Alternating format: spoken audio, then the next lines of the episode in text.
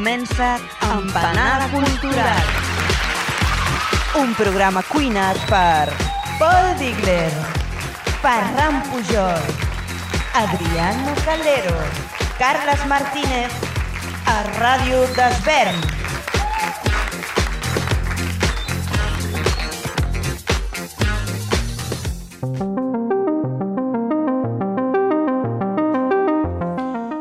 De 8 anys està caminant al carrer amb sa mare al costat. Ella va carregada amb bosses de la compra i el nen no para de cridar «De mayor quiero ser gamer! De mayor mamá quiero ser gamer!» La cara d'ella és un poema, porta el cansament gravat a la mirada. De sobte el nen li pregunta «¿Sabes lo que es?» I la mare, amb tot l'amor del món, contesta «No, què és ser gamer?» En aquell precís moment passa un cotxe i el soroll s'endú la resposta. Només escoltem Por eso hay que ponerse un nombre de gamer mamá, como Vegeta. Puedes utilizar el tuyo, pero es mejor ponerse un nombre de gamer. I amb aquesta anècdota comença Identitat Gamer, precisament, nou llibre de l'expert en la matèria Daniel Muriel. I com és lògic, es disparen totes les preguntes. Què coi és un gamer? En Vegeta no és aquell personatge de bola de draxeta que llançava un estol de paraules ofensives amb un català impecable que té a veure amb els videojocs.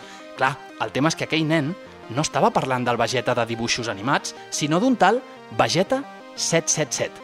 I què coi és aquest Vegeta 777? Doncs ni més ni menys que un gamer, o millor encara, el nom que s'inventa un usuari per donar-se a conèixer dins un joc.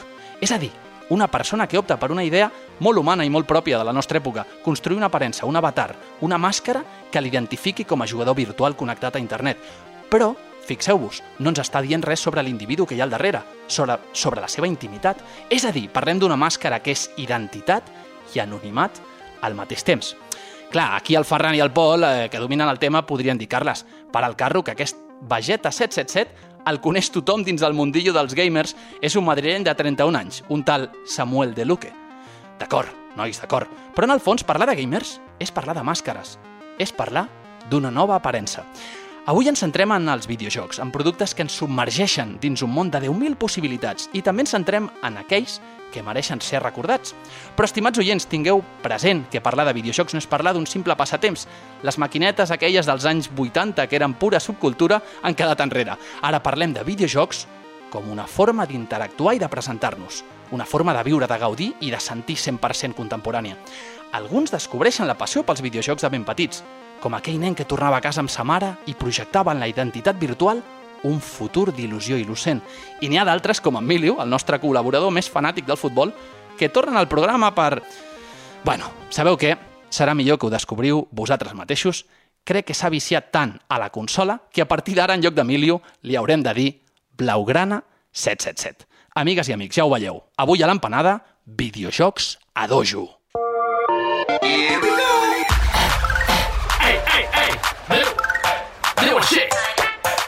Emilio Valls strikes back at Cultural.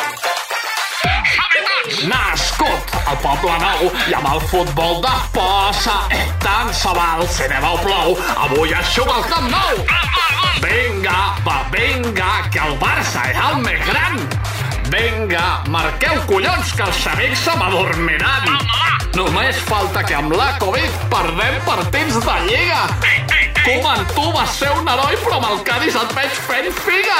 I fixeu-vos, oients, qui ho hauria de dir, que l'altre dia després d'un partit m'anava a dormir amb els ànims caiguts i l'orgull blaugrana ferit. Però, però, però trobo en Marc, el meu fill gran, jugant amb la maquineta.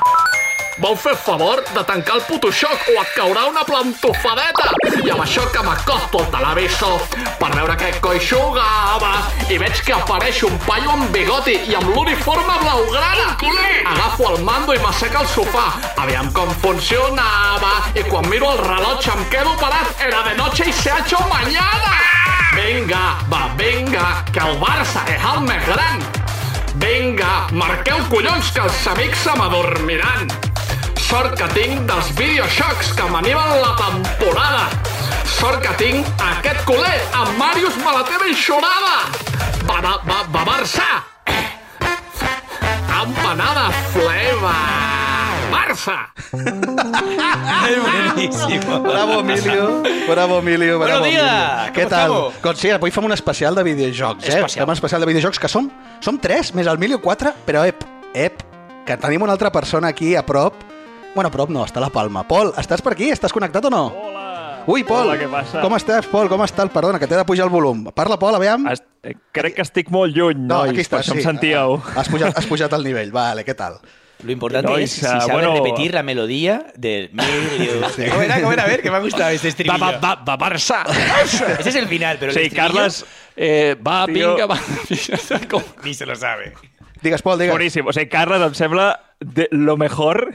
Que, mira que hem fet Mombasa, que hem fet coses, eh? Però, tio, lo, lo mejor musicalmente que he escoltat en molt de temps, tio. A més, em fa gràcia Gràcies, tio. aquest, aquest, aquest llibre que has, que has mencionat, el Sí. sí. d'Identitat Gamer, que a més jo també el tinc per aquí, ja fa temps que me'l vaig llegir, però és que m'ha vingut al cap una anècdota d'aquest llibre, perquè crec que és molt recomanable llegir, sobretot per entendre tot això dels gamers, no? Però que és que hi ha la teo, el teorema de M. Rajoy. Tu ho sabies, això, en el llibre. I és que el que planteja és que l'he trobat aquí ara ràpid eh, amb el llibre, perquè diu, el teorema, o sigui, què és esto del M. Rajoy? Que és el trabalengües aquest mític, no? Però que el canvien per és el gamer el que elige al gamer, i és el gamer el que quiere que sean los gamers el gamer. Perquè ser gamer no vol dir res, al cap i a la fi, no? Una Exacte. miqueta. bueno, doncs, nois, avancem cap al menú del dia, d'acord? Aunque yo me quedaría Sí. comentando la canción mucho tiempo más, ¿eh? pero es verdad que hoy vamos muy Vamos cargaditos cargados, de cargados. información. Entonces, Los videojuegos inevitablemente dan, dan mucho de sí. Tengo, Sí. Mira, he acabado reconociendo que dan mucho de verdad, sí. ves, dan ves. mucho de sí, ¿verdad? anem al- anem al Pero oye, maravilloso. Yo no sé, la carrera radiofónica está ahí ya Está ahí, a está ahí, tope, está ahí, está ahí. pero la carrera musical, esto ya Sí, es una sí, sí, realidad. sí. A més, de moment el tenim aparcat, eh? Aunque perquè veo no, que no, te has el pasado Emilio no pot a un- deixar la partida en pausa, o sigui que tornarà més Ah, tard. Te has vindrà- pasado un vindrà hip hopete després, sí. más festivo, ¿no? Sí, sí, sí, ja tocava. Ja Has tocava, dejado la Adri. Chulería inicial para irte a algo Que más si- festivo. Me Siempre gusta. puede volver el hip hop, pero es ir alternando. Doncs anem al menú del dia, nois. Anda, van.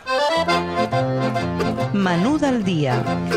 Què tenim per previst fer, Adriano? Perquè em sembla que aniràs tu primer, no? Voy yo primero. Eh, en principio era, iba a ser como una especie de telonero de la gran velada que habéis disfrutado hace muy poquito, ¿no? De los Game Awards. Pero, pero hostia, es que claro, me has dado una recomendación. Que conste, que conste que es una película que me la ha recomendado Ferran, ¿eh? Culpa mía. No la he buscado. Ahora, cuando me pusiste claramente que era de Chris Marker, dije, genial, vamos a ver qué da de sí. Va, doncs després d'aquest entrant no, que farà l'Adriano, Ja ve el plat gros, que són eh, la cobertura de Game Awards, oi, Pol? Sí, sí, una cobertura que, bueno, de fet és eh, primera prova a foc, ja ho direm després, però que vam fer com aquest directe de sí. fins les 5 del matí i d'aquí pues, eh, us parlarem, farem un resumillo de tot el que va passar i, bueno, certes anècdotes i, i conyes, bàsicament. Doncs, doncs avancem, anem directament cap bueno, a i la secció. enhorabona per la cobertura dels Game sí, Awards, des, eh? després en parlem amb més en detall, gràcies, Carles, però avancem ja que ve cinema i ve carregadet, oi?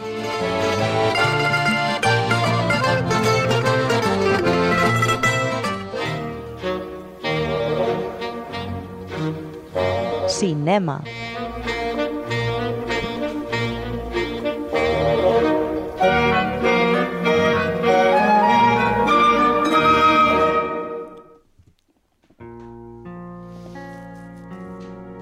Eso es cinema, ¿eh? Cinema, acabamos de escucharlo. Cinema y ya la melodía apunta en una dirección un poquito, un poquito triste. Porque, por eso mismo, por el cinema, me vais a permitir que antes de entrar en Level 5 y Chris Marker, recordemos brevemente a uno de los cineastas que hacían precisamente eso, del cine, de la realidad cinematográfica, algo mágico, algo distinto.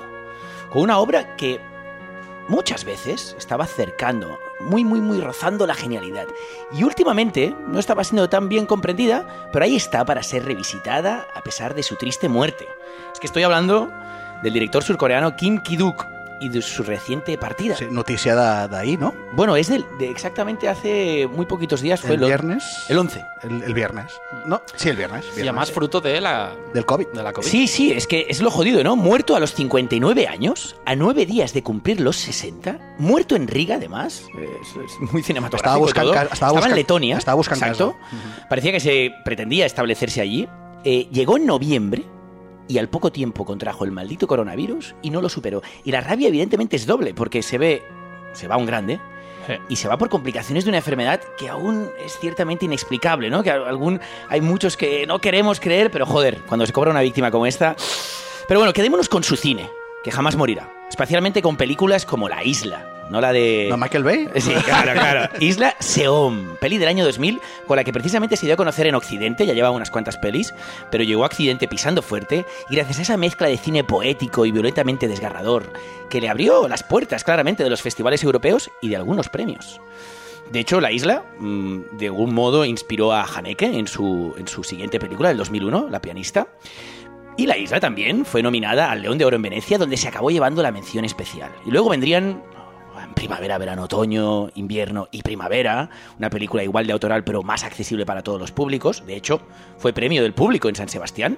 La, la isla es demasiado brutal. Bueno, demasiado, es muy Va brutal. y viene, va y viene. Veremos que en su cine hay ese, ese se mantiene en lo lírico y en lo desgarrador, pero evidentemente hay tonos y hay veces que se pasa, que se pasa. En Samaritan Girl, por ejemplo, Oso de Plata y mejor director en Berla Berlinale, o la que para mí es su mejor película, Hierro 3, que se llevó el León de Plata y mejor director en Venecia, o Time, o Aliento, o Dream.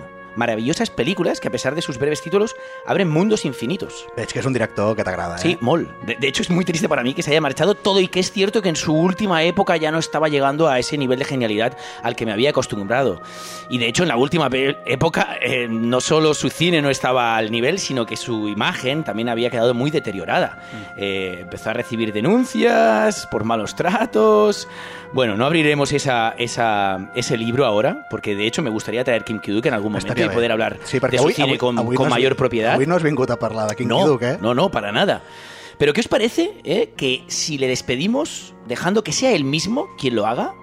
Y, y ya que en el pasado tuvimos esa oportunidad de escuchar, pero en, en clave cómica, su propia versión de Arirán, que es esa suerte de himno coreano, en manos de Kim es también una película y en su pensamiento es pura redención.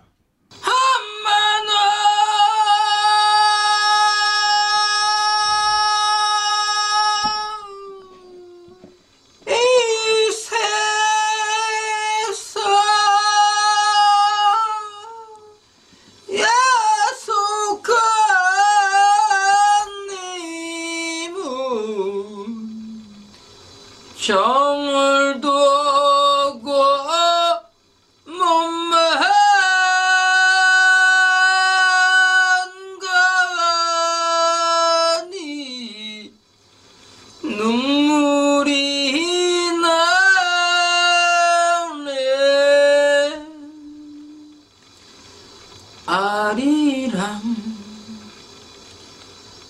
Ariram.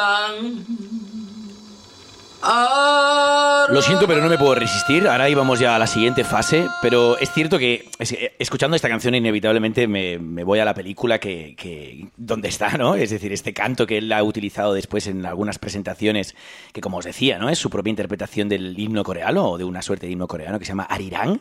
Eh, realmente formó parte de su filmografía en el 2011 como respuesta a un drama que había ocurrido en su vida, de hecho en un rodaje, y que le paró durante tres años, del 2008 al 2011, y es a partir del 2011 que vuelve con Arirán, con esta especie de redención, y a partir de ahí se empieza a perder, es verdad, por un tipo de cine algo, algo más obsesionado en sí mismo. Eh, ¿Sabéis lo que le pasó en el 2008? Y por lo que marcó de alguna manera un antes y un después en su filmografía. Què li va passar? Cuenta, cuenta. En Dream, Dream, Dream.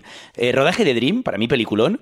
eh, había una escena donde una de las protagonistas tenía que representaba un suicidio y estaba de una soga colgando. Un problema técnico acabó provocando que esa mujer quedara suspendida por la soga durante Ah, bastantes amigo. segundos. Y parece ser que eso, de alguna manera, no solo eh, fue muy duro durante el rodaje, aunque la película realmente yo creo que se salvó, sino que le marcó ya de por vida y a partir de ahí ya encontramos un Kinky diferente. Pero bueno, vamos a Level 5, ¿no? Sí, Deberíamos ir a Level 5. Pero ¿Cómo- claro, yo estoy aquí ¿Cómo- hablando de Asia. ¿Cómo que deberíamos? Sí, porque, a ver, a No- ver una no vamos, cosita. no es que la vamos. actualidad manda y estamos en Asia. ¿Qué os parece si también recordamos eh, la película ganadora del Asian Film Fest? Que está claro, Ferran, que sí, que han sido los Game Awards, los Oscars del videojuego, ¿no? Como te gusta llamarlos, pero el Asian también ha sacado su palmarés esta semana. Y aunque no, no, no, es, no es esta película de Dark Darmen, sobre la cual escuchamos esta banda sonora hace unas semanas, eh, se ha llevado, se ha llevado algún premio Dark Darmen, la comentamos aquí, se ha llevado un premio en su sección, pero la película que ha ganado el Festival de Cine Asiático esta edición ha sido Balloon, Globo, del director tibetano Pemat Seden. Aunque desgraciadamente si la buscáis, y creedme que deberíais buscarla, tendréis que buscarla como producción china, por razones Ah. bastante obvias. Sí. Y tranquilo, Ferran, que no me voy a enrollar. Es que no, te no veo, me voy a ¿eh? enrollar mucho veo. más. Pero ya sé que nos toca hablar de Level 5, pero con total sinceridad os digo que Balloon merece muchísimo más vuestro tiempo. No es de temática adecuada para el programa de hoy, pero Balloon es una maravilla. Porque ¿cuántos de vosotros podríais decir que conocéis la realidad tibetana? Al margen de la ocupación china y de sus conflictos, ¿eh? Es decir, que sabéis del pueblo tibetano. Que ya no solo cómo visten y hablan, sino cómo piensan, cómo se comportan. Esos detalles cotidianos que forman su vida. ¿Tintín al Tíbet sirve como referencia? Yo solo una No, peli que siete vi años en el Tíbet. En el Sí. 2015, Calo Pozzi, una peli de niños, pobreza en, en Nepal, muy interesante, por Pues cierto. esa película seguramente la has podido ver, si es del 2015, Sí. gracias a Pema Chedem. Hostia. Porque eso que comentaba, ¿eh? esa, esa realidad cotidiana del Tíbet, es algo que nos ofrece continuamente Pema Chedem. Es el Ah. primer tibetano que estudió en la Escuela de Cine de Beijing, en Pekín, y el primer director en filmar una película completamente en idioma tibetano, en China. Y desde su debut en, des- en 2005, esta fue la primera película, poco a poco ha ido ganando fama, incluso liderando esto que se conoce ahora como la nueva ola del cine tibetano, que progresivamente va cobrando fuerza, con estos ejemplos que has mencionado también, Carlas, o este ejemplo en concreto. Y no sé si lo sabéis, pero es que fue Wong Kar Wai quien de alguna manera le acabó de catapultar a Occidente, porque Wong Kar Wai produjo su anterior película, a la de Balloon me refiero, Jimpa, del 2018. Esta película ganó el mejor guion en el Festival de Cine de Venecia. Y yo, de hecho, descubrí su cine por esa película, me alucinó en su momento, Jimpa, y ahora ya me ha acabado de convencer con Balloon. Y rápidamente, ¿de qué va Balloon? Pues es la historia eh, de una familia, de una familia pastoral, que vive en las austeras y hermosas tierras altas de Qinghai, allí donde no hemos llegado nunca, y tras la muerte de uno de los, de los componentes de esta familia, su forma de vida se ve amenazada por las estrictas multas que dieron, que se dieron durante décadas en China. Esto ya, por suerte, ha acabado, pero sabéis que al formar parte de China el Tíbet estaban jodidos si tenían otro hijo. Y así Tseden nos muestra cómo la realidad idílica de la vida en medio de la naturaleza puede resultar también abrumadora, como esa política que la gestionaba. Pero es una peli que está llena de amor, de confusión, de espiritualidad, la reencarnación, la fe, el budismo, la vida, la muerte, todo ello se da mano en Balloon y en el cima de Pema Tseden. Y ahora sí, ahora sí, por fin ha llegado el momento que todos estaban esperando. Minuto 20. No, no vamos bien, 18, vamos- 18. Vamos fuertes. 18. Vamos fuertes. Y le llega el turno a Chris Marker y a su película sobre videojuegos Level 5. Y llega la YT ahí, llega la banda sonora de la YT dándolo todo. Después lo comentamos. Por cierto, banda sonora que, que, que Chris Marker decidió utilizar a partir de su propia versión de la banda sonora de Vértigo. Mm, De Vértigo. De hecho, encontraríais similitudes en esta canción que suena y la propia banda sonora de Vértigo. De Trevor Duncan, ¿eh? La- Esa música. Maravilloso, maravillosa. Pero, pero yo quiero matizar, ¿eh, Ferran? Porque esta claramente es una película de Chris Marker sobre los videojuegos, pero ¿tú te la has visto? Es decir, Sí, tú- és a dir, jo, jo l'havia jo l'havia vist en el seu dia i vaig dir, va, vaig a vacilar l'Adriano, que sempre diu que els videojocs no em creu quan li dic que són algú més. I l'he tornat a veure i dic, Déu meu, què he fet? Perquè, Déu meu, què he fet? Perquè ja veureu, l'Adriano li traurà suc, no, lo següent. No, a ver, es una película... Clar, clar, és que aquí... És que aquí Hòstia, Pol! És, Hombre, hombre. Ferran, no, eh, jo m'he quedat coses, m'he quedat coses perquè dic que és un poc, un poco ortopèdico, eh, això que estem fent aquí a la distància, però, però, mm, però dic, el tema de que... O sigui, mira que hi ha pel·lis bones de videojocs, sobre videojocs i tot, però és que Level 5, que jo ja t'ho vaig dir per WhatsApp, a Ferran, no en tenia ni idea que existia aquesta pel·li, al posar-me-la, no, jo no l'he acabat, eh? O sigui, ha sigut com, què és este ensayo pajillator? és que, bueno, ara ens A ver, que quede claro, que Adriano, quede però claro, Déu-n'hi-do, Paul, eh? que quede claro, Paul, que es una película para ser pensada. Totalmente. Es decir, no es una película para disfrutar ahí en el sofacito con la mantita en invierno, no, no, no. Es una peli de museo, es una peli para ir a verla al CCCB, que es donde creo que donde la estuvo, pasaron, es ¿no? Yo, yo sobre esa Level 5 solo quiero recuperar una frase que dijo Jordi usted, Costa caballero. arrando una crítica de Le Livre d'Images de Godard que decía es, es un cine que plantea al espectador como un hermeneuta, como un interpretador de textos claro, visuales, ¿no? Es que aquest tienes que leer, y en ese tienes que estar concentrado. Y es el contrapunto perfecto en este programa sobre Sí, videojuegos, un poco de que- exigencia. Què he fet? Què he fet? Bueno, és- Ferran, Ferran, no, no, o sigui, jo, jo cada, a cada programa jo trec el, el Jesús Franco, però el Carles, tio, porta 10.000 programes parlant del Jordi Costa, eh? I d'hermeneuta i hermeneuta busca la manera... de cualquier treure-ho, manera sí. sabe cómo entrar el término hermeneute para decir que es su libro sobre Molins de Rey. bien, No, pero es cierto, es cierto lo que dice Costa. Eh, eh, está claro que has mencionado a Godard y es que cuando hablamos de Marquer, aunque no estamos hablando de la Nouvelle Vague, ¿eh? No, no. Porque, vea, os voy a poner un poquitito al día. Porque porque para aquellos oyentes que no se acaben de ubicar en el terreno Marquer, recordarles que Marquer fue uno de los exponentes del movimiento cinematográfico que se llamaba la rive gauche, ¿eh? la orilla izquierda. ¿Y por qué se llamaban así? Porque también estaba la Nouvelle Vague. Es decir, es un movimiento en paralelo, incluso más vanguardista que la, que, vanguardista que la Nouvelle Vague, donde se encontraban otros cineastas de los cuales hemos hablado, como Agnès Barda, o Alain René, Marguerite Duras, que en el fondo era una escritora, pero que también hizo grandes colaboraciones en el cine, o incluso dirigió India Song, una maravilla o Hiroshima Mon Amour, de la cual hablaremos. Pero si por algún motivo he recordado Marquer, es por un cortometraje, un cortometraje de ficción del año 62, cuya banda sonora, ya lo he dicho hace rato, nos está acompañando, y es la banda sonora de La Jetée, La Terminal. Supongo que, que aquí, siendo amantes sí, sí, como sois de la ciencia ficción, la habréis Ah, visto. exacte, jo és l'única pel·lícula que havia vist d'aquest home. Bueno, havia vist aquest, havia vist Sí. Level 5, però no havia associat que era la mateixa persona. Que per cert la GT és la que diuen que inspira 12 monos, Ex- no? Exactamente, Inspira de Terry a Gilliam. Terry Gilliam en el 95 para su película 12 monos. Eh, la GT simplemente es un fotomontaje de 28 minutos en blanco y negro que le valió la fama internacional. Y- pero lo más y es muy bueno, ¿eh? es jodidamente bueno. Lo- pero lo gracioso es que Marquer eh, sea principalmente recordado por una ficción que fue su única ficción cuando lo que él hacía eran principalmente esta suerte de ensayos fílmicos. Es decir, Level 5 es claramente un ensayo fílmico o como otros le atribuirían el documental subjetivo. Totalment, terme accept- eh, superacertat, eh? Sí, Sí, porque sí. es un tío que pilla material de archivo y lo, y lo lee, precisamente como comentabas, ¿no? En relación a Costa. Él también lee ese material de archivo, lo pone en crítica, lo pone en estudio y sus películas son resultado de todo eso, ¿no?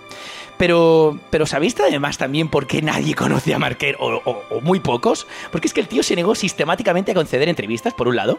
Por otro lado, se divertía ofreciendo versiones muy contradictorias de su propia vida y de su juventud. Y cuando alguna vez lo solicitaban una fotografía para ilustrar, pues ya sabéis, un reportaje, un libro o una entrevista, Marquer enviaba, cuando lo hacía, una foto de su gato preferido. Entonces, es un tío que siempre ha, ha- ha contribuido a esta imagen en la sombra, ¿no? Pero volvamos a Level 5, por favor. Vamos a Level 5 porque de unido, ¿eh? Es muy densa. De hecho, Ferran, ¿qué os parece, y el resto de oyentes, si escuchamos su tráiler?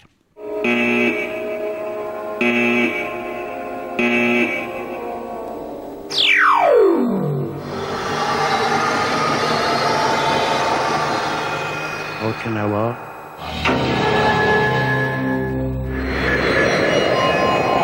Request U.S. Command. Request Japanese Command.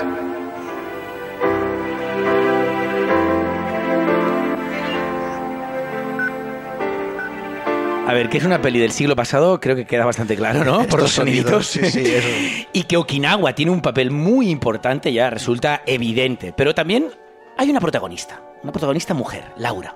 Y su interlocutor, es un interlocutor silencioso, porque está ausente en toda la película. Y es su pareja. De alguna manera entendemos que ya no está ahí. No sabemos si se ha marchado, si han roto, si ha muerto.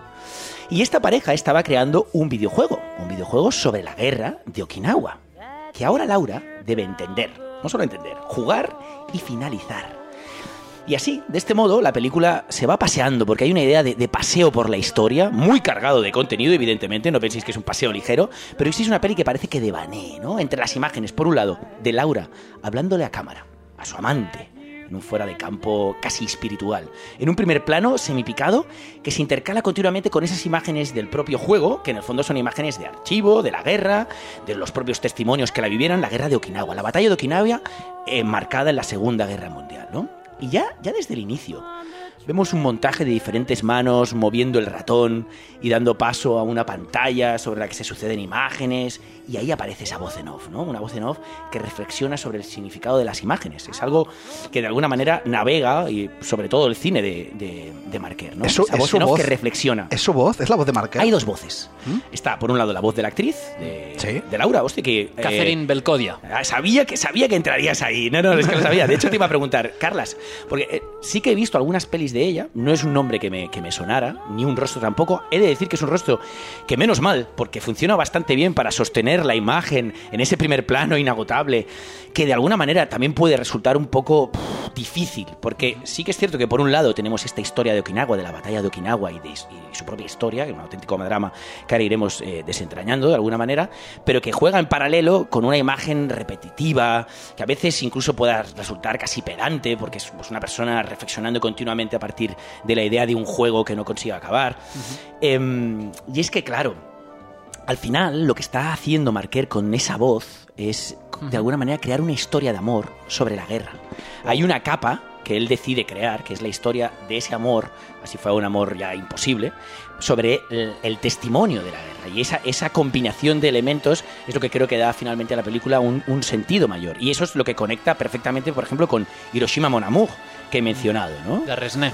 Exacto, porque es una película que también juega en esa dirección, aunque yo diría que, hostia, Hiroshima Mon Amour para mí es un 10 de película. ¿no? Intocable. Alain Gené, Alain Gené. De hecho, Alain Gené y Marquer han colaborado en varias películas Ah. juntos, aunque de alguna manera era, era Gené el, el- el del poder, por así Está decirlo. bien. ¿eh?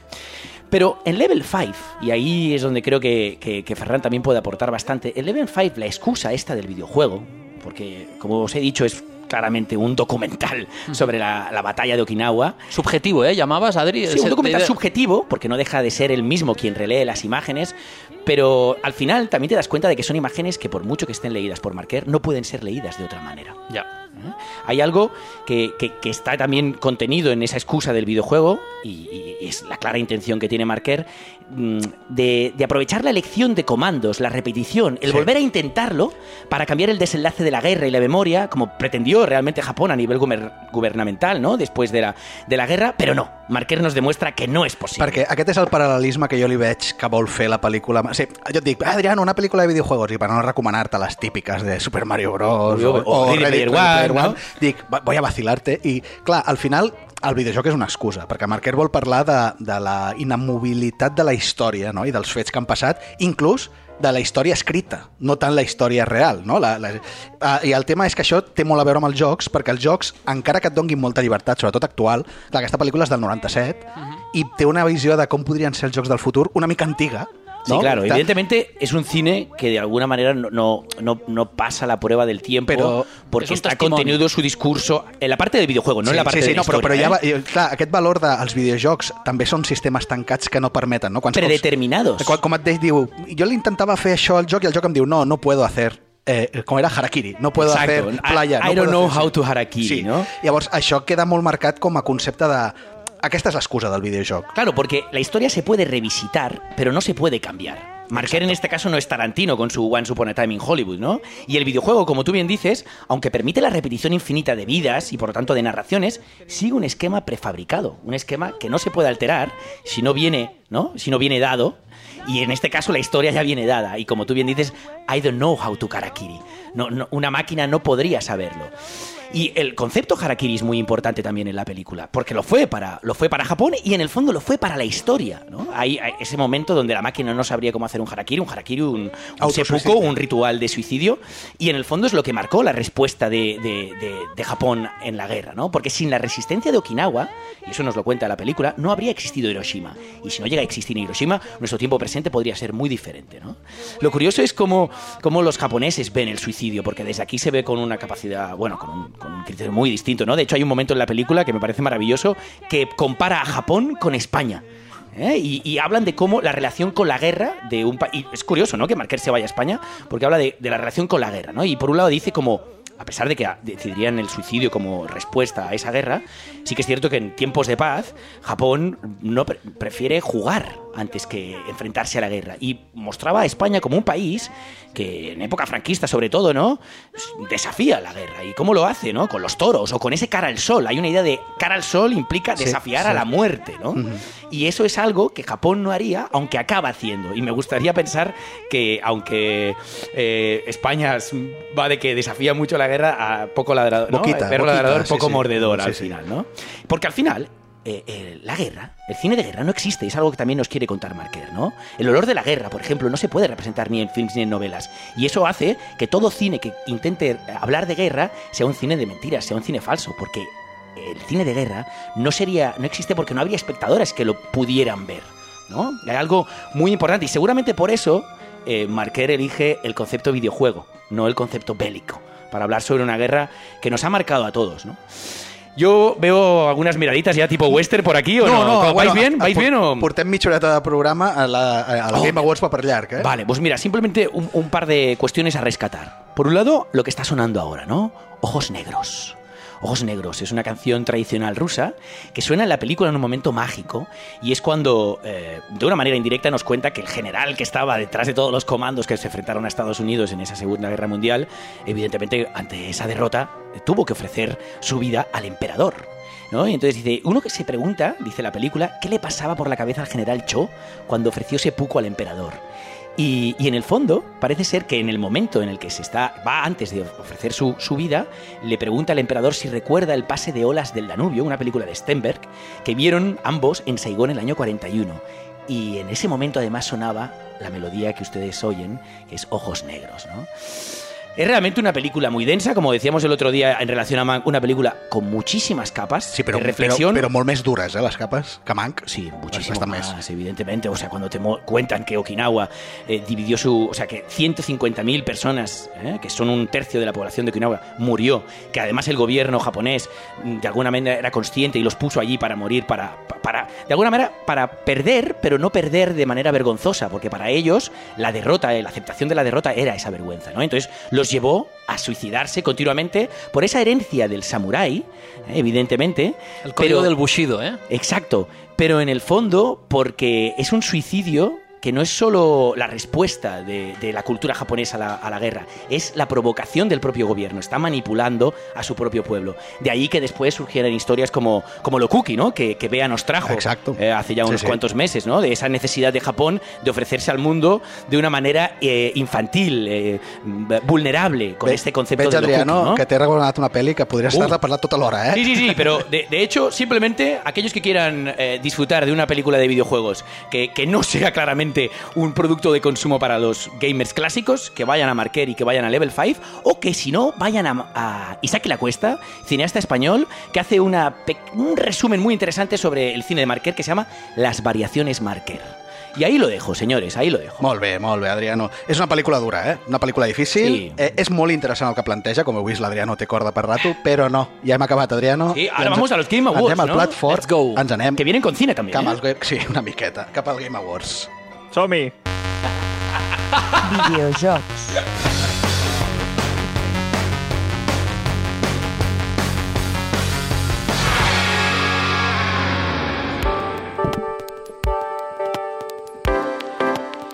Bueno, bueno, aquí estem, eh, Pol? Sí, que... eh, eh, És que m'ha fet gràcia, m'ha fet gràcia, perquè és com, és com si jo tingués una T10, saps? O sigui, només puc entrar 10 cops, però quan entro dic, som-hi! Has anat a comprar el pa amb la T10, sí. Doncs, Pero cuentas con nuestra atención, Paul, a tope. Doncs aquest any, els, els Game Awards, podríem dir que ha sigut un any estrany, eh? perquè la veritat és que s'esperaven moltes novetats, però al final tot ha quedat bastant diluït durant... Perquè, clar, Pol, què hi ha hagut durant l'any? Home, a veure, a part del tema de la pandèmia, que és obvi, però és que, clar, a més els videojocs eh, collons, que s'han nutrit i bé. Home, és una de les grans indústries que, que, que ha triomfat en aquest tema. Després també hi ha el tema de les connexions online, no? de, de que si han funcionat més o menys bé, los, los, les videoconferències, que, que, bueno, que també en els Game Awards van patir, jo crec, aquest, aquest tema, però, però està clar que és una, és una cosa que eh, la indústria del videojoc ha triomfat moltíssim a l'hora de, de, bueno, de, de fer-se, de jugar-se i de tot. Altra cosa és que també hi ha hagut moltes, molts delays, no? Sí, no, però sobretot, com que ha sigut un any tan connectat, com comentaves, voler esperar, i a més tothom suposava, com que no hi ha hagut E3, potser els Game Awards es converteixen en aquest gran lloc no, de novetats, Exacte. però tot l'any hem tingut conferències, tot l'any hem estat veient novetats amb el que al final potser esperàvem massa d'una cosa que ja hem vist, no?, durant l'any. Bueno, però, escolta, però també és veritat de que ells mateixos, els dels Game Awards, ja anticipaven, òbviament ho han de fer, no? Sí, van però fer hype. anticipaven de que, de que havia de ser el gran any. O sigui, el Game Awards d'aquest any, no només pel tema dels premis, i també hi havia una competència molt bèstia, però és que és, les presentacions havien de ser la hòstia. O sigui, tu t'havies de quedar amb, amb els ous, saps? O sigui, en plan, uau. Sí. Saps? I no. No, no, al final ha sigut una miqueta decepcionant en aquest sentit.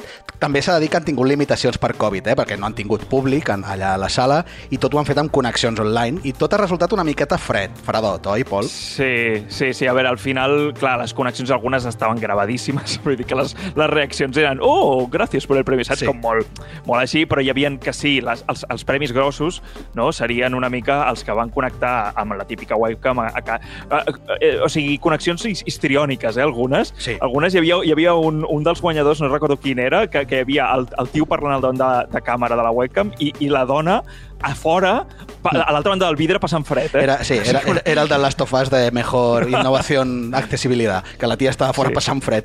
Lo que tinc I aquí, aquí hi, ha un pro, hi ha un problema, Ferran, que és que, és que inclús en el món dels videojocs i, i el que serien los Oscars del videojuego no ens hem desempallegat del cinema, tio. No, no, Ja perquè dicho, ja. Hem, tingut, hem tingut molt famoset eh, aquest any. Hem tingut, per exemple, Keanu Reeves, òbviament, perquè venia amb el tema del cyberpunk, Tom Holland, Brie Larson, Gal Gadot i Christopher Nolan. Toma ja. De Chris Marker a Christopher Nolan, Sí, sí. passamos. I què, Pol? Que, les seves intervencions com les vas veure?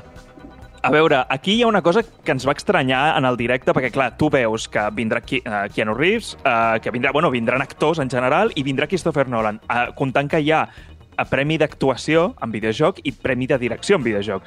Òbviament hauria de ser pues, algú, tipus Tom Holland o Keanu Reeves o així, pues, entregues el d'actor i l'altre del direcció. Doncs pues no, a, la, a Keanu Reeves entrega a direcció, que no té cap mena de sentit, i Christopher Nolan el Premi Gordo, la, la grossa de Nadal, que és el millor joc. No, és que això sí que no s'entén mm, per res. Jo tenia una pregunta. És novetat que hi hagi tanta gent del cine presentant aquests Game Awards aquest any? Cada any n'hi ha més. És a dir, l'any passat ja hi va haver-hi ja va haver gent i cada any n'hi ha més perquè aquesta simbiosi eh, existeix. També és veritat que és la indústria que més ven. És la indústria que menys ha caigut. No, no és que no només hagi caigut, no ha caigut, és que ha pujat durant la pandèmia, no? Molt interessant, Sí. això. I aquí és on s'ha de menjar.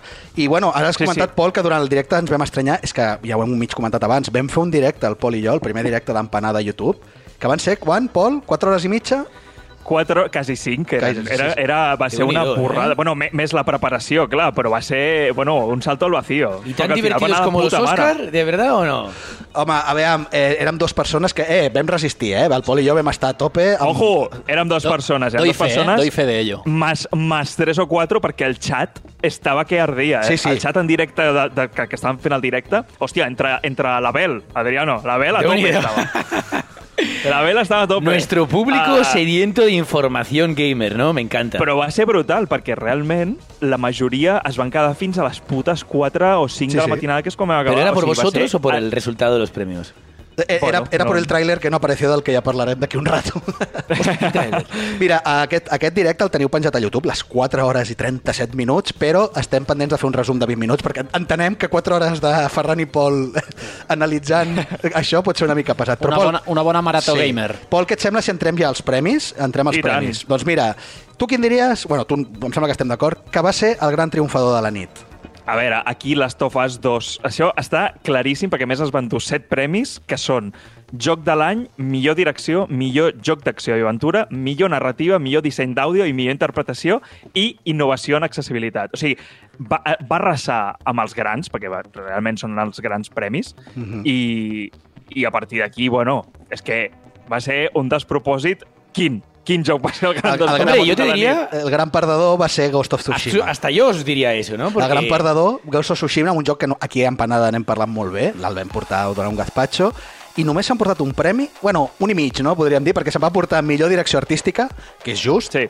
I després el consol, podríem dir, de ser el, el preferit del públic, perquè és el Sí, que es va portar, aquest, eh? aquest, clar, aquest ja se sabia, o sigui, aquest va sortir, perquè com que va per vots per, de públic, doncs es va saber abans, però, però sí, sí, només en el que és la gala, millor direcció artística. Bueno, el gran perdedor, i Ferran, deixa'm dir-te que el gran perdedor també veig empanada, perquè com a Seki no t'agraden eh, els jocs nipons, no els escrius bé, perquè hi ha Shekiro, de los creadores de Shekiro, No, és Ghost aquest- of vale, ja. Shush- Tsushima. De sushi, De sushi, arribarà el chuchi. señores.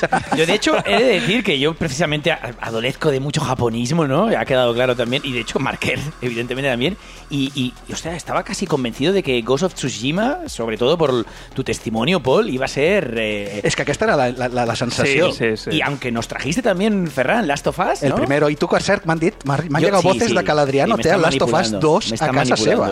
Pues ja saps, ha guanyat, Ojo. tio. Empanada me está, me está afectando de una lo, manera següent, seria. I lo ¿eh? següent que farà serà la secció de videojocs, Sí, però a lo Marker, ¿no? Seguramente. No, yo lo que quería decir en base a estos premios que habéis mencionado, a este gran ganador Last of Us Parte 2, uy, ¿qué, qué, qué narices es esto de innovación en accesibilidad? ho explico perquè és un premi important. o, o mejor interpretación. A ver, eh, Clar, és el los que parlàvem. ahora también. És el que parlàvem. Pol, parles tu de la interpretació i jo faig després lo d'accessibilitat? Sí, aviam, jo aquí eh, us diré que és un dels que tenia bastant clars de que guanyaria. O sigui, la, mi, eh, mi, mi quiniela anava direccionada a Laura Bailey, que, que és el personatge que fa... O sigui, és el personatge d'Avi, no? que és com vindria a ser el dolent, però és una innovació des d'un punt de vista no només interpretatiu, o sigui, la interpretació és bona, però és que a part és sense fer massa spoilers, però és un personatge que acaba sent, eh, també, tot i ser el dolent, acaba sent, eh, bueno, eh, proper al jugador, en el sentit de, de jugabilitat. Llavors, jo crec que també eh, eh, hem de tenir en compte una cosa. Aquí s'han dut molts, molts premis de narrativa, de, de so, de tot,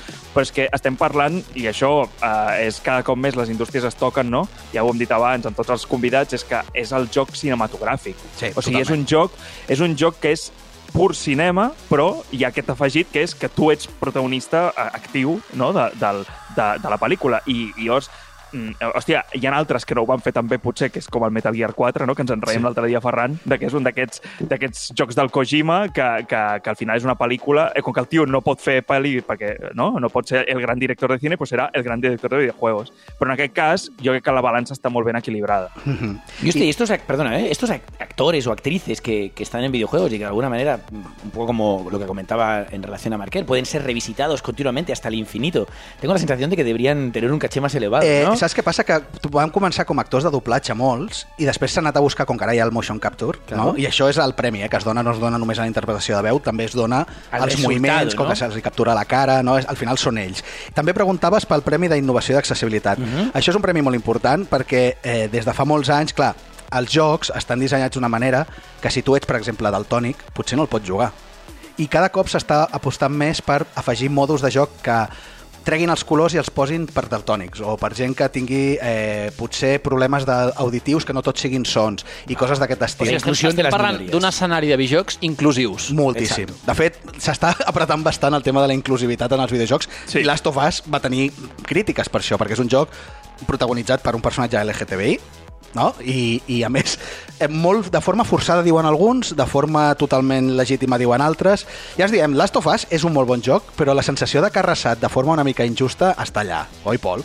Sí, sí, sí. A veure, jo crec que també hi ha el punt aquest que dèiem, eh? Hi ha un... Hi ha un uh... La gran competició, òbviament, era Last of Us i Ghost of Tsushima. Són jocs que, com acaben passant també en el món del cinema, eh? Vull dir, són jocs que estan competint per lo más alto i són super diferents. O sigui, un, com a pel·lícula, per dir-ho així, uh, jugable, és una història narrativa, lineal, directa.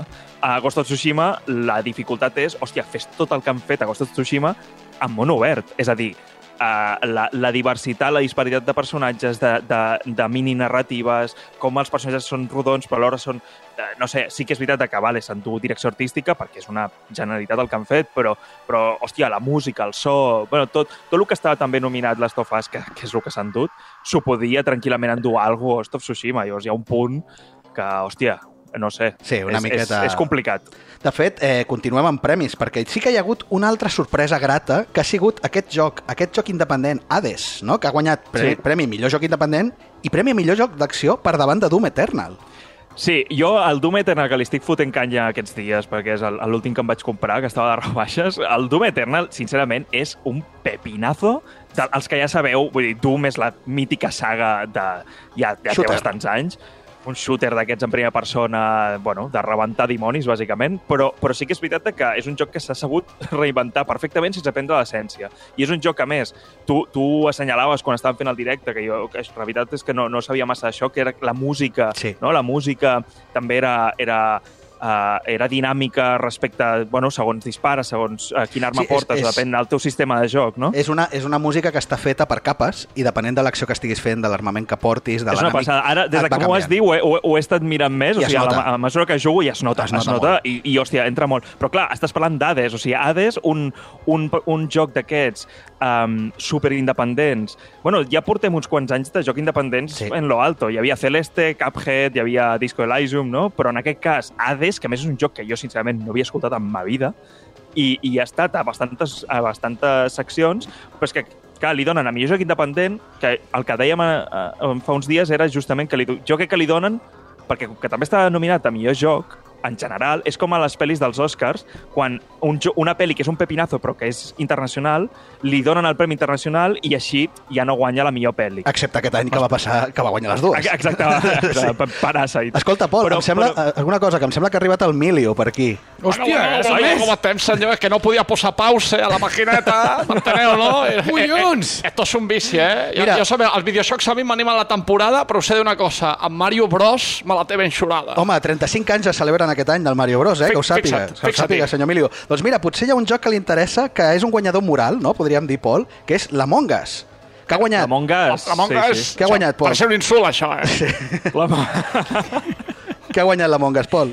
L'Among Us, doncs mira, s'endú dos premis, que és el millor joc per mòbil, que, que bueno, és un joc que pot estar molt ben optimitzat per mòbils, però és que a sobre, que és, que és multiplataforma, és a dir, està, no sé quantes plataformes està realment, però és un, és un bombazo. Va guanyar en millor multijugador perquè és bàsicament el que és un Among Us, però és que a més va guanyar per sobre de Animal Crossing, Que és el gran el joc. gran Sí, sí. joc, el gran joc d'això. Hòstia puta. I, I diria que fa el gall, La no? veritat, no, no, no, L'Adriano está es alucinando. indignante, es ¿Qué pasa, qué indignante. pasa? No, no, ¿Qué pues pasa? que llevaba un rato en plan, ¿Mongas? Among, Among Us.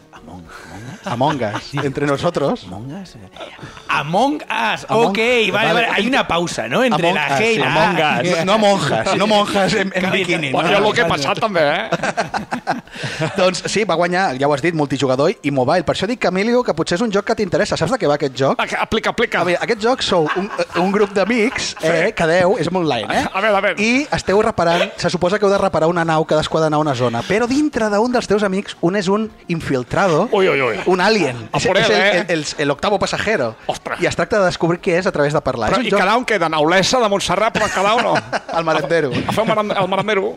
No, mira, ara que estem Però- així en broma, estem en broma, va haver-hi una gran broma durant O sigui, aquests... sí, eh, fins ara hem dit els grans guanyadors, els grans perdedors, però va haver-hi la, la gran broma. Quina, la quina? gran broma que, va- que va ser... És a dir, vosaltres imagineu-vos una cosa, surten les nominacions, van sortir ja fa unes setmanes, eh? Sí. però va ser com allò de que no hi pares atenció, però quan ho veus ja en pantalla gran al Game Awards, no? com si ho veiessis en pantalla gran en els Oscars, i t'apareix, imagineu-vos que està, pues, això, eh? Mank, o jo què sé, el irlandès, el no sé què, no sé quantos, i et surt The Room.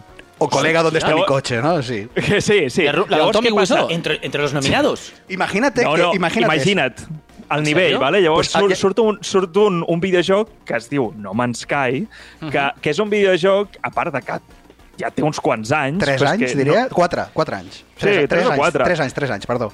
No, És un 2016, videojoc- 2016, perdona. Vale, és un videojoc que el van criticar molt al moment perquè van fer un hype recordes, no, Adriano, aquesta Yeah. paraula? Van fer un gran hype amb aquest videojoc, que era un videojoc de, bueno, com d'aventura espacial, però massiu, massiu vol dir hipermassiu, de que tu podries anar conquerint planetes, fent batalles galàctiques, no per dir-ho així, i trobaries, bueno, a tot el món conectado.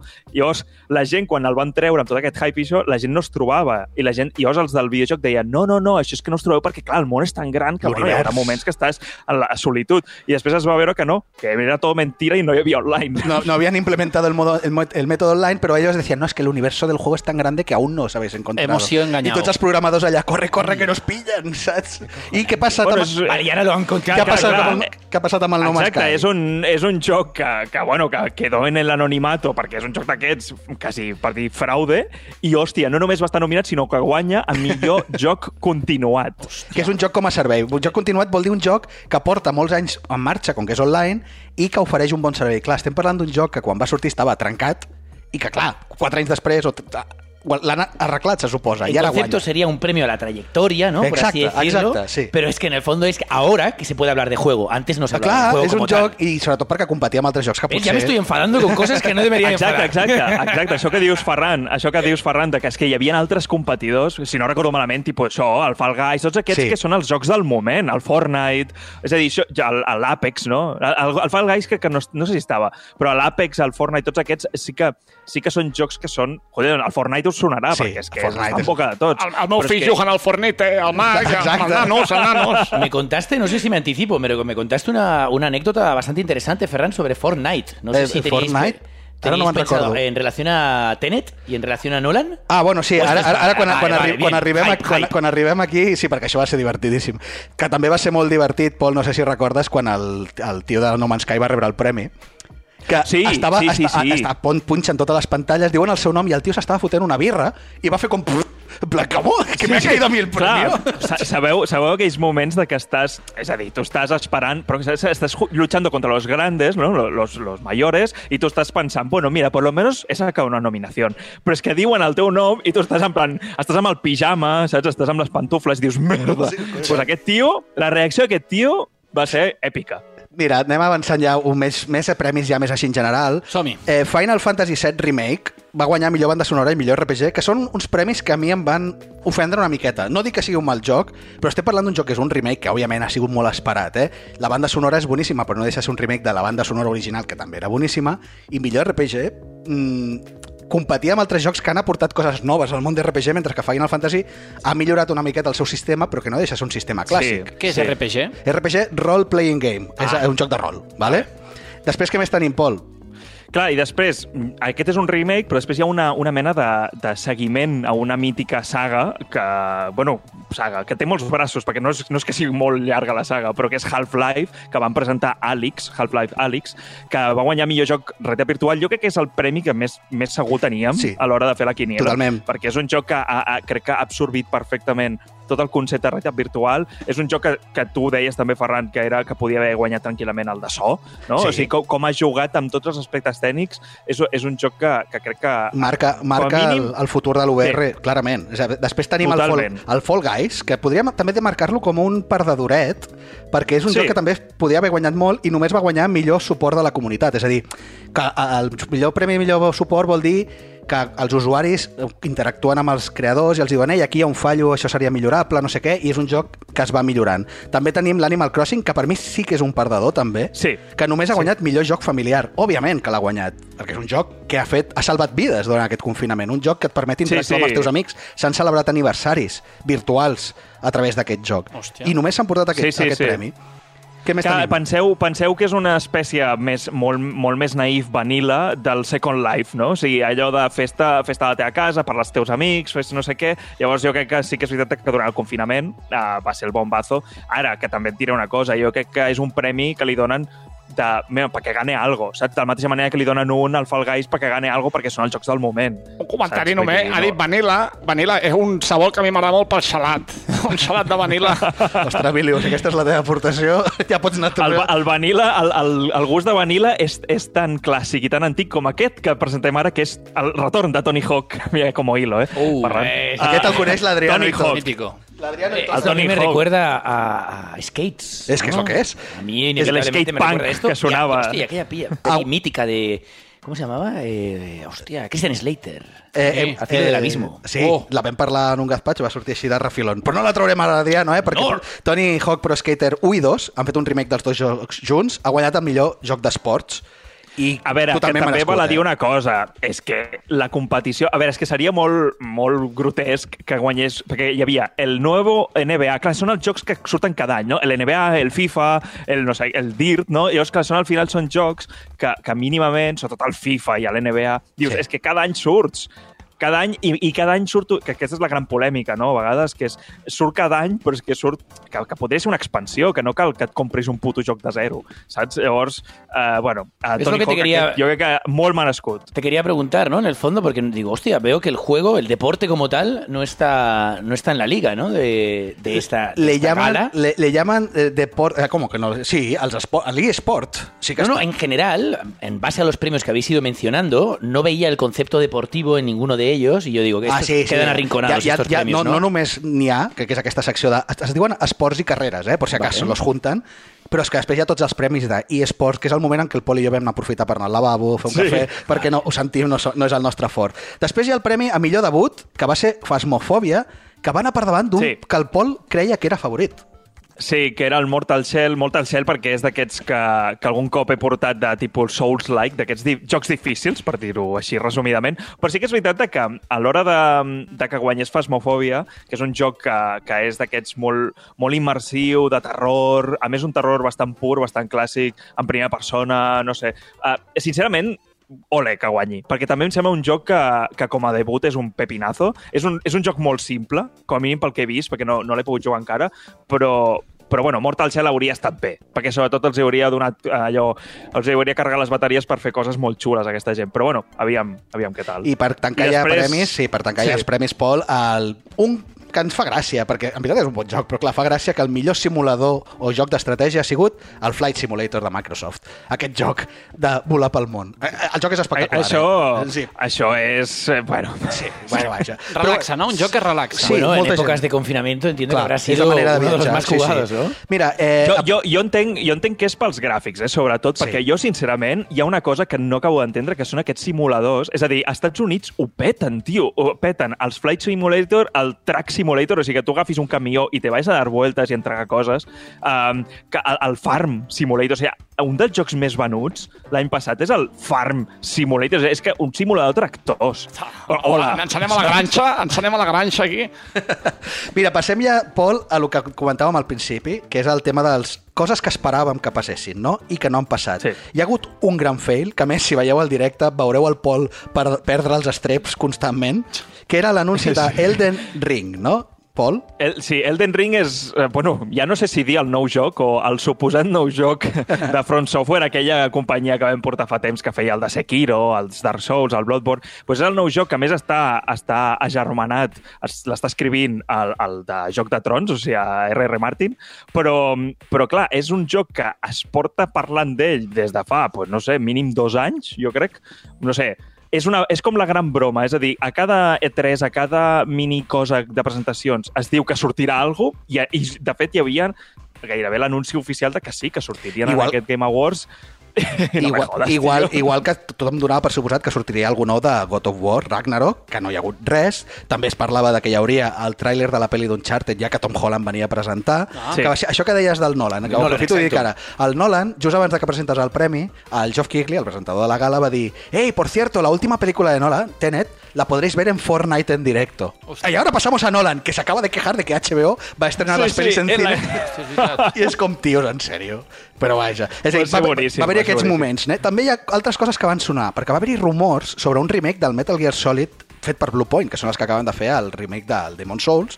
I Clar, no, i a més, a més, ojo, que Metal Gear Solid està com de, de novetat per dos bandes, que és el Blue Point, que són els que més han fet els, el, el remake de Demon Souls per la Play 5, i també està en boca perquè Oscar Isaac ja està confirmat, no?, que jo sí, sàpiga, com confirmat, a actor, com a mm, Solid... ca- Quasi confirmat, no? sí. Quasi confirmat. Quasi confirmat. Bueno, sí. Com a Solid Snake a la pel·lícula que faran de Metal Gear. I també doncs, Kojima... Us agrada la idea fins- aquesta, no? Sí, sí, en Sí, principi sí, sí, sí. Sí, el que passa que de, Koji, de Konami en Konami, eh? perquè un rumor era aquesta possible remake i després hi havia el possible, això, que és, això sí que era molt descabellat, que era que Kojima, el director de Metal Gear, fes les paus amb Konami, companyia de la que va marxar amb una patada, per ressuscitar el projecte Silent Hills, que era aquell teaser PT que va haver-hi a la Play, Play 3, no? Play 4 ja. Play Sí, 4, sí, Play 4. era... Sí. I clar, tampoc res de res. I l'anunci més destacat, i aquest sí que va ser confirmat i sorpresa, va ser el retorn de la saga Mass Effect, que més torna a deixar enrere Andròmeda i torna als personatges originals amb Shepard, que és un personatge que en el 3 mor. I llavors és com, Sí, no, sí. vamos a resucitarlo porque l'anterior no funcionó del todo. Però més molt pepino, eh? Molt Sí, pepino sí. aquest, aquest tràiler, i després potser un altre destacable és el de Calisco, no? Aquell? Calisco, o Calisto, no sé com es deia. Calisto, sí, Protocol, Calisto sí, Protocol. perquè era, era el, el dels... Que he vist que és, és el creador, tio. Del és, Dead Space. és dels creadors del Dead Space. Clar, un pepinazo que s'espera, Un vamos. joc, un joc que sembla una epopeia terror espacial, per tant, molt Dead Space, com tu comentes. Però vaja, que ens estem aquí, queden dos minutets de programa, Pol, anem resumint, no? Podríem dir que els premis, en veritat, van ser justos, poc repartits. Poc Molt repartits, poc dieu. repartits. Poc repartits, però justos. Al final no, no ha guanyat, excepte No Man's Sky. Bueno, Eh, al final es lo que comentábamos muchas veces en relación a, ot- a otro tipo de, de- de galas, ¿no? Que al final los premios son puramente políticos, que si en el fondo fueran más coherentes, acabarían siendo muy injustos. Porque realmente cuando una película es una gran película, es que lo es en base a aplastar al resto que no lo son tanto, ¿no? Sempre hay Entonces, descontento. Sí, i al nivell d'anuncis, doncs, una total decepció. És a dir, els Game Awards aquest any, tot i que nosaltres hem fet aquest directe de 4 hores i mitja, han sigut potser dels més fluixos, tot i que havien promès... había ser que prometer, que prometer y eso ya sabéis lo que genera. Mira, Adriano, no canvio, Audiencia. no canvio ni música. Ho deixem aquí, de moment. Tenim els Game Awards penjats sencers a YouTube. Vols fer alguna mena d'agenda? Perquè em sembla que m'has dit que ja bueno, hay estrenes, un no? peliculón, pero peliculón que estrenan el próximo viernes que se llama Martín Eden. ¿eh? Que vayan a verlo, es una película que seguro que comentaremos y no es la única, porque me parece, Carlas, que tú tienes otra en mente. Sí, yo tengo Baby de Juanma Bajo Yo, el director Hostia, de Airbag, un thriller de maternidad que pasó por Sitges, eh, que también se estrena. ¿Y ahí se llevó algo? Eh, Creo que- eh, eh, creo sí, que al mira, menos- mejor banda sonora original. Exacto, eh? Doncs amb aquestes dues pel·lícules al cinema que, que ja es pot anar al cine, encara que no ho sembli, Sí, no? Eh. Pol, tu tens alguna cosa d'agenda o què? No, no, bueno, que ha sortit el Cyberpunk 2077 sí. i no hi ha més, no hi ha més agenda de videojocs. S'acabó, s'acabó, no? doncs, nois, ho deixem aquí. Adriano, vols dir Sí, alguna més? simplemente, eh, como parte de esa agenda, ya lo anunciamos la semana pasada, está Josep, película de animación, y también está Kira, ¿no? Entonces, De todo fet, esto... la setmana que ve ho ¿dónde nos recollirem lleva? en un programa que farem la setmana que ve dedicat a l'animació. Doncs, Me'n nois, vaig, me'n vaig a jugar al Mario Bros. molt, una molt bé, Emilio. Ho deixem aquí. Petonet. Pol, Petonet, Emilio. vés amb, vés compte la palma, Petonet, eh? Paul. Us estimo. Ciao.